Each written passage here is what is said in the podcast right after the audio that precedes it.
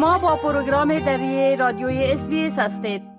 شنونده های عزیز حال همکار ما سام انوری درباره مهمترین خبر روز معلومات میته آقای انوری سلام عرض می‌کنم. خب خبر بسیار مهم روز درباره معلومات دزدیده شده میری بانک است. بله؟ و گفتم میشه که هکرها تهدید کرده که معلومات را که به دست آوردن در ظرف 24 ساعت او را نشر خواهد کرد. بله؟ با سلام به شما و شنوندگان عزیز. بله همونطوری که شما اشاره کردید گروه هکرهایی که ادعا می‌کنه پشت حمله سایبری اخیر به میدی بانک بوده تهدید کرده که داده های سرقت شده را تا 24 ساعت دیگر منتشر می‌کنه.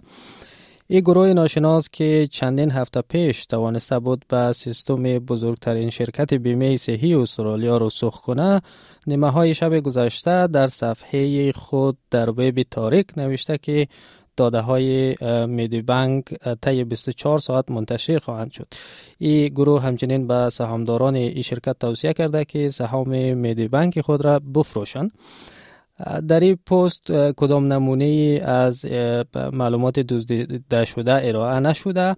و این پیام تهدیدآمیز هکرها در حال نشر میشه که میدی بانک روز دوشنبه اعلام کرد که حاضر نیست به مجرمان سایبری عامل این حمله باج بده.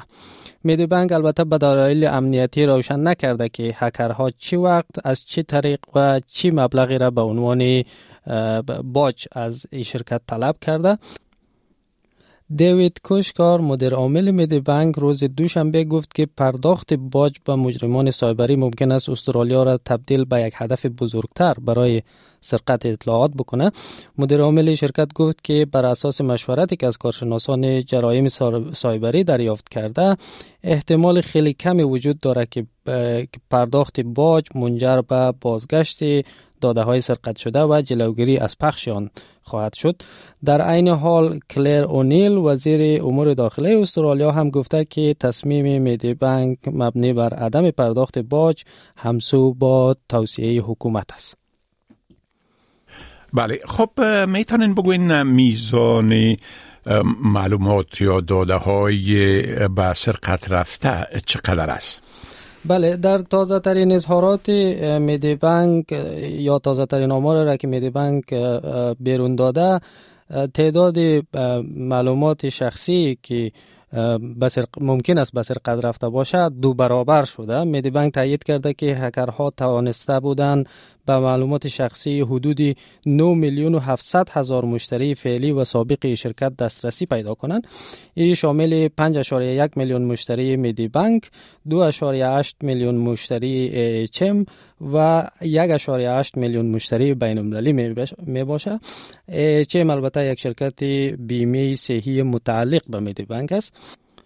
میدی بانک همچنین باور دارد که با توجه به ماهیت جرم ممکن است هکرها کل داده هایی را که به او دسترسی پیدا کرده بودند دزدیده باشند. این در حال است که این شرکت در ماه اکتبر گفته بود که هکرها به داده های حداقل چهار میلیون مشتری آن دسترسی پیدا کرده بودند. این شرکت همچنین تایید کرده که مجرمان سایبری به حدود 500 هزار مطالبه صحی مشتریانش هم دسترسی پیدا کرده بودند که شامل 160 هزار مشتری میدی بانک 300 هزار مشتری چم و 20 هزار مشتری بین المللی میشه داده های سرقت شده در نتیجه این حمله سایبری شامل نام کامل، تاریخ تولد، آدرس، شماره تلفن و ایمیل آدرس مشتریان میشه که موجب نگرانی ها درباره جعل هویت اونها در آینده شده. میدی بانک گفته که هکرها به مشخصات کارت های اعتباری و بانکی مشتریان این شرکت دسترسی پیدا نکرده بودند. بله. خب همچنان گفته میشه که مشتریان میدی بانک می‌خواین از طریق شرکت های حقوقی یک دعوای دستجمی را یا دعاوی دستجمی را علیه این شرکت راه اندازی کنند. بله؟ بله دو دارالوکاله که تصمیم دارند یک دعوای حقوقی دست جمعی را علیه بانک راه بیاندازند گفته که به باور اونها این شرکت به دلیل عدم جلوگیری از حک شدن داده ها به مشتریان خود خیانت کرده و مرتکب نقض قانون حریم خصوصی استرالیا شده. های بنیستر و سنتینیل ناوقت روز دوشنبه در اعلامیه گفتند که میدی بانک موظف بود که این نوع اطلاعات را محرم نگه داره.